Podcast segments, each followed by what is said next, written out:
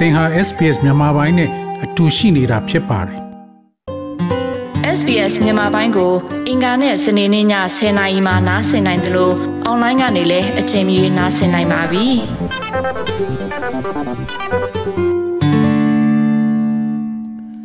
သောတာရှင်များခင်ဗျာယူကရိန်းတိုက်ပွဲတွေကြားမှာကမ္ဘာရေနံဈေးတွေတဟုန်ထိုးတက်နေပြီးဩစတြေးလျမှာလောင်စာဆီဈေးနှုန်းကစံချိန်တင်မြင့်တက်နေပါတယ် Federal Budget ကြီးညာဖို့နှစ်ပတ်သာချန်ရှိနေပြီးလောင်စာဆီအခွန်ကိုဖျက်တောက်ရန်အစိုးရကိုတောင်းဆိုမှုများရှိလာနေပါတယ်။လောင်စာဆီကုန်ကျစရိတ်မြင့်တက်လာခြင်းသည်အစိုးရကဝင်ရောက်ဆုတ်ဖက်ပေးမှုများကိုလှုံ့ဆော်ရန်တောင်းဆိုနေကြပါတယ်။ရွေးကောက်ပွဲအကျိုးဘတ်ဂျက်ကနှစ်ပတ်သာလိုပါတော့တယ်။ကမ္ဘာရေနံဈေးများကလည်းတဟုန်ထိုးတက်လာနေပါတယ်။ ယူကရိန်းနိုင်ငံရဲ့အခြေအနေကိုအဖြစ်တင်ဖို့ဝန်ကြီးချုပ် Scott Morrison ကယခုလိုပြောဆိုပါတယ် We are very aware of what is occurring with petrol prices, and Australians understand that this is being caused, and the ACCC has confirmed this only in the last 24 hours. This is being caused by the disruption of the war in Europe and the invasion of Russia into Ukraine. Now, Australians understand that, and we understand it, and listening carefully, not only to our own members, of course, who are on the ground, but directly to the community ဓာ themselves. တ်စီဈေးနှုန်းများ And these cost of မြင့် living တက်လာတာကို impacts are ကျွန်ုပ်တို့ real. အလွန်သတိပြုမိကြပြီးဒါက ဘာကြောင့်ဖြစ်ပေါ်လာကြောင်းဩစတြေးလျနိုင်ငံသားများနားလည်ကြပြီး ACCC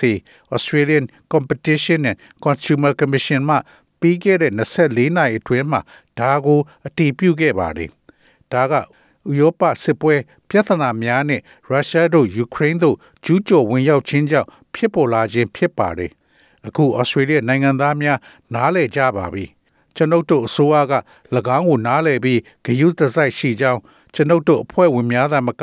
လက်တွေ့တွင် ပါရှိသော၎င်းတို့ကိုယ်တိုင်က လူထုထံသို့ဓာတ်ရိုက်ရောက်ရှိနေပါပြီပြီးတော့ဒီလူနေမှုစရိတ်သက်ရောက်မှုတွေကအမှန်ပါပဲရုံးကန်နေရသောစားသုံးသူများကိုကူညီရန်အတွက်ပြည်내ဝန်ကြီးချုပ်များသည် လောင်စာဆီအခွန်ကိုယာယီဖြတ်တောက်ရန် တောင်းဆိုနေကြပါတယ်။ကုံလာနှင့် သယ်ယူပို့ဆောင်ရေးအခြေခံအဆောက်အုံအတွက်တစ်နှစ်လျှင်ဓာတ်ဆီမှအခွန်ငွေဒေါ်လာဘီလီယံ30ကကောက်ခံရရှိပါတယ်။လောင်စာဆီအခွန်စည်းကြပ်မှု fuel excise ကဓာတ်ဆီဆိုင်ကဖတ်မှာလောင်စာဆီနဲ့ဒီဇယ်ဆီပေါ်မှာဩစတြေးလျအစိုးရမှကောက်ခံတဲ့စီးကြပ်ခွန်ဖြစ်ပါတယ်။လောက်ခနဲ့ငွေဖောင်းပွားမှုကိုဓာတ်ရက်ဆက်ဆက်ထားတဲ့ဆိုတာကိုညွှန်ပြထားပါတယ်။ Deloitte Access Economic ကလုတ်ဖို့ကင်ဘက် Chris Richardson က၎င်းသည်လောင်စာဆီဈေးနှုန်းရဲ့ငါးပုံတစ်ပုံခန့်သာရှိတယ်လို့ဆိုပါတယ်။ The overwhelming bit of, of the price that you pay at the pump is the world price of oil. Uh, and, and it's that, by the way, that's bouncing up and down with the, the news out of the war in, in Europe. The steady bit, you know, there's uh, some tax from the government uh, and there's some costs here in Australia. The, the ပတ် costs မှာ of the သင် service ပေးရ station. တဲ့ဈေးနှုန်းကကမ္ဘာရေနံဈေးဖြစ်ပြီးဥရောပမှာစစ်ပွဲသတင်းတွေနဲ့အတူအတက်အဆင်းရှိနေပါတယ်။အနေငယ်တည်ငြိမ်မှုရှိတော်လဲအစိုးရထံမှအခွန်တချို့ရှိပြီးဒါကဩစတြေးလျတွင်ကုန်ကျစရိတ်များဓာတ်ဆီဆိုင်ဝန်ဆောင်မှုရဲ့ကုန်ကျစရိတ်များအဲ့ဒီထဲမှာပါရှိပါတယ်။ဓာတ်ဆီဈေးနှုန်းများသည်1လီတာလျှင် 2ဒေါ်လာ20စင့်ကျော်ရှိပြီး2ဒေါ်လာ50စင့်အထိပြင်းတက်လာပွဲရှိတယ်လို့ဆိုပါတယ်။သို့သောဓာတ်ဆီအခွန်ရဲ့ညွန်ကိန်းကိုဖျက်တောက်ခြင်းသည်မြင်မြတ်ထိရောက်မြေကိုကျွမ်းကျင်သူတချို့ကမေးခွန်းထုတ်နေပါတယ်။အကျိုးရှိမှမဟုတ်ဘူးလို့ Mr. Richardson ကပြောဆိုပါတယ်။ almost nothing. Um, you know, a, a pause to uh, indexation is going to save a cent every year out of something that's bouncing, you know, 10 and 20 cents uh, in a week. Uh, that's all about the, the politicians showing that they feel people's pain. And there is genuine pain, but you cannot fix the pain caused by a war in Europe. ဒါ with က a band-aid ဘာမှ on- မရှိပါ on- ဘူး on a tax အ in ညွန် Australia. ကိန်းသတ်မှတ်ခြင်းအားခိတ္တရက်လိုက်ခြင်းသည်ခုန်တက်နေတဲ့အရာတစ်ခုမှနောက်တစ်ဆင့်ကိုသက်သာသွားစေပါလိမ့်မယ် သင်သိပါတယ်တပတ်လျင်10ဆင့်နဲ့20ဆင့်အဆင့်ရှိပါတယ်လူတွေရဲ့နာကျင်မှုကိုခံစားအကြောင်းပြသတဲ့နိုင်ငံရေးသမားတွေအကြောင်းပါပဲဆက်မှန်တဲ့နာကျင်မှုတွေရှိတယ်ဒါပေမဲ့ဩစတြေးလျမှာအအခွန်ပေးဆောင်နေတဲ့ပြည်သူတွေကဥရောပစစ်ပွဲကြောင့်ဖြစ်ရတဲ့နာကျင်မှုမျိုးကိုအစိုးရကမရှင်းပေးနိုင်ပါဘူး။ Valdo Vivoda သည်ဒီကင်တက်ကသိုလ်ရှိမဟာဗျူဟာလေးလာမှုများတွင် အကြီးတန်းကတိကဖြစ်ပါတယ်။ လောင်စာစီအခွန်အခများဖက်တောက်ခြင်းသည်ဓာတ်ဆီဈေးကိုအချိန်နည်းငယ်တွင်သက်သာသွားစေနိုင်တော်လဲရေနံစိမ်းဈေးမှာမတည်ငြိမ်သေးကြောင်း၎င်းကပြောဆိုပါတယ်။ The government has absolutely no control over the international prices. Australia is not really a player here. Uh, so so the, the, the only tool at the government's disposal is the, is the fuel excise, where it can manipulate the final price. But this is obviously a very difficult public policy uh, decision because the money that the government takes in revenue from the fuel excise is gets reinvested by and large into maintaining roads and transport infrastructure, so keeping the roads safe. And this is something very important now, particularly after you know the roads roads have been so many roads have ဆို been းက ravaged by နိုင်ငံတကာ floods in ဈေး New နှုန်း South များအ Wales ပေါ် and South လုံးဝ Eastern Queensland. ထိန်းချုပ်နိုင်မှုမရှိပါဘူးဒီမှာဩစတြေးလျကအဓိက တရုတ်ဆောင်ရမယ့်နေရာမှာမဟုတ်ပါဘူးဒီတော့အစိုးရရဲ့တစ်ခုတည်းသောလက်နက်ကလောင်စာစီအခွန်ဖြစ်ပါတယ်၎င်းသည်နောက်ဆုံးဈေးနှုန်းကိုမိသည့်နေရာတွင်စီမံခန့်ခွဲနိုင်တော်လဲဒါကအလွန်ကိုခက်ခဲသော အများသူငါမူဝါဒဆိုင်ရာ ဆုံးဖြတ်ချက်ဖြစ်ပါတယ်အစိုးရကလောင်စာစီကနေရတဲ့ဝင်ငွေကိုယင်းနှမြုပ်နှံပြီးလမ်းတွေသယ်ယူပို့ဆောင်ရေးအခြေခံအဆောက်အုံတွေကို ထိမ့်သိမ်းရမှာအမြောက်များ ပြန်ရင်းနှီးမြုပ်နှံထားတာကြောင့်လမ်းတွေမှာဘေးကင်းအောင်ဒါကထိန်းထားပေးပါတယ်ပြီးတော့ဒါကအရန်အရေးကြီးတဲ့အရာတစ်ခုပါအထူးသဖြင့် New South Wales နဲ့ Queensland ရှေ့တောင်ပိုင်းမှာရေလွှမ်းမိုးမှုတွေကြောင့်လမ်းအများပြားပျက်စီးခဲ့ပါတယ် Federal Budget ကိုမတ်လ29ရက်နေ့တွင်ကြေညာတဲ့အခါဒါနဲ့ပတ်သက်တဲ့ဆုံးဖြတ်ချက်များထွက်ပေါ်လာမှာဖြစ်ကြောင်း Scott Morrison ကပြောကြားပါတယ် The budget is in a couple of weeks, and uh, that's when uh, announcements are made about all matters in relation to the budget. And I don't intend to engage in pre budget speculation on this matter or any other matter. Uh, delivered three budgets of my own as Treasurer and three as Prime Minister. And so there's always a lot of speculation before budgets, and so I will leave the government's decisions budget for ဟာ budget ရ to သက်တ that ပတ်အန night. ည်းငယ်အတွင်းမှာဖြစ်ပြီး budget နဲ့ပတ်သက်တဲ့ကိစ္စရပ်အားလုံးကိုကြေညာတဲ့အခါတွင် တွေ့ရမှာဖြစ်ပါတယ်ပြီးတော့ဒီကိစ္စဒါမှမဟုတ်တခြားကိစ္စရပ်တွေအတွက် budget ကြိုတင်ခန့်မှန်းချက်တွေကိုပြောတဲ့ထဲမှာကျွန်တော်ပါဝင်ဖို့မရည်ရွယ်ပါဘူးဘန္ဒာရေးမှုအဖြစ် budget 3ကနဲ့ဝန်ကြီးချုပ်အဖြစ်3ကကိုပေးအပ်ခဲ့ပြီးဖြစ်သောကြောင့်ဘတ်ဂျက်များမတိုင်းမီထင်ကြေးပေးမှုများအမြဲရှိနေတာကြောင့်အစိုးရရဲ့ဘတ်ဂျက်အတွက်အစိုးရဆုံးဖြတ်ချက်များကိုအဲ့ဒီနေ့ညမှသာကြေညာပေးမှဖြစ်ပါတယ် အတိုက်ခံခေါင်းဆောင်အန်သိုနီအယ်ဘနီစီကဓာတ်စီစေတက်လာပြီးလိုအပ်ခမတက်တာကိုထောက်ပြပြောဆိုနေပါတယ် They haven't done anything uh, about petrol. We'll await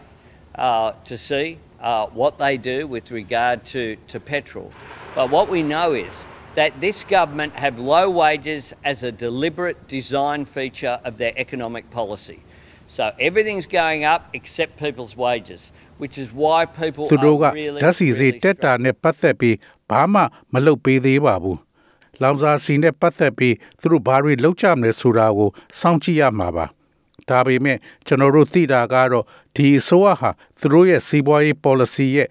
တမင်ဒီဇိုင်းပုံစံတစ်ခုအနေနဲ့လောက်ခနည်းအောင်လှုပ်ထားတာဖြစ်ပါတယ်။ဒါကြောင့်လူတွေရဲ့လောက်ခကလွှဲရင်အရာအလုံးကတက်သွားတော့လူတွေကတကယ်ကိုရုန်းကန်နေရတာပါ။ ပုံမရေရှည်တည်တံ့သော ပြုပြင်မှုတစ်ခုအတွက်မြေကြီးထဲမှဒူးဖို့ရရှိသော ရုပ်ကျွေးလောင်စာများကိုဖယ်ထုတ်ခြင်းနဲ့ပတ်သက်လို့ကျွမ်းကျင်သူများကပြောဆိုနေကြပါတယ်။ Deakin University မှ Valdo Vivoda က Australia တွင်လက်စစ်ကားများကိုအသုံးပြုရန်လိုအပ်ကြောင်းပြောကြားပါတယ်။ encouraging um, substitution in the transportation sector to move to electric vehicles would be beneficial for our energy security. It would be beneficial for decarbonisation in Australia. So, for the federal government and state and territory governments to uh, put in incentives and encourage uh, uh, consumers to to, uh, to to switch from petrol-based cars into into electric vehicles would be something that's that this is really လျှ the, က်စစ် the ကား right များ time သို့ for that. ရွှေ့ပြောင်းရန် သယ်ယူပို့ဆောင်ရေးမှာအစားထိုးခြင်းအားအားပေးခြင်းသည်ကျွန်ုပ်တို့ရဲ့စွမ်းအင်လုံခြုံရေးအတွက်အကျိုးရှိမှဖြစ်ပြီးဩစတြေးလျတွင် ကာဗွန်လျှော့ချရေးအတွက်အကျိုးရှိမှဖြစ်ပါတယ်။ဒါကြောင့် Federal အစိုးရနဲ့ပြည်내နဲ့နယ်မြေအစိုးရတွေကဓာတ်ဆီအခြေခံကားတွေကနေလျှက်စစ်ကားတွေစီပြောင်းဖို့စားသုံးသူတွေကိုမက်လုံးတွေပေးပြီးအားပေးတာကတကယ်ကိုတင့်တော်တဲ့အချိန်ပါ ရေတိုမှာနိုင်ငံရေးအရဆက်လက်မိမောင်းထိုးပြရမယ်လူနေမှုစရိတ်ဖြစ်ပါတယ်နိုင်ငံတော်ဝန်ရှိစင်ကြေဘုံရက်ွက်များမှမဲဆန္ဒရှင်များသည်ဖက်ဒရယ်ရွေးကောက်ပွဲကာလတွင်ပုံမဆိုးဝါးလာနိုင်တဲ့အခြေအနေများကိုခန်းစားနိုင်ရမှာဖြစ်ပါတယ်။နိုင်ငံရခြားစစ်ပွဲမတိုင်မီထဲကဓာတ်ဆီဈေးများက ပြဿနာဖြစ်နေတယ်လို့ Mr. Albanese ကပြောဆိုပါတယ်။ Families are mass, under massive pressure. Everything is going up. Petrol was almost $2 a litre uh, before, before the Ukraine conflict. So it's been high for a considerable period of time.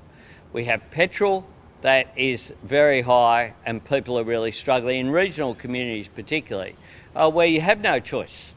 but to get in your car to မိ get သား around, စု to များ get သည် to work, to ကြီး get မား to သော activities. စီးပွားရေးဖိအားအောက်တွင် ရှိနေကြပါတယ်အစားအစာအရာရာကဈေးတက်နေပါတယ်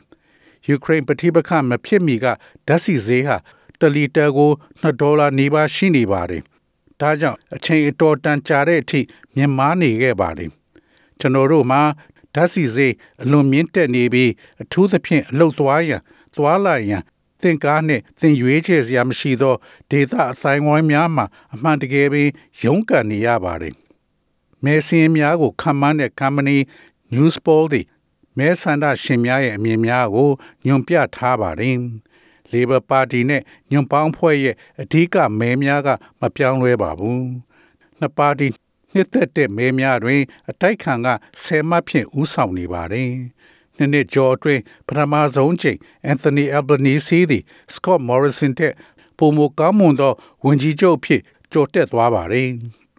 ဒါပေမဲ့ရွေးကောက်ပွဲဘယ်နေ့လုပ်မယ်ကိုတော့အခုချိန်ထိမချေညာသေးပါဘူး။သောတာရှင်များခင်ဗျာ SBS သတင်းဌာနက Ariana Lucenti နဲ့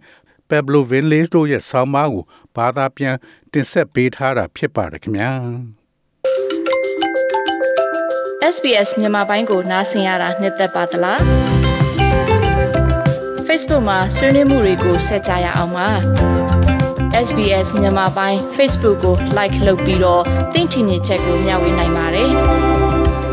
SBS Bemis ကို Facebook မှာ share ကြည့်နိုင်ပါတယ်ရှင်။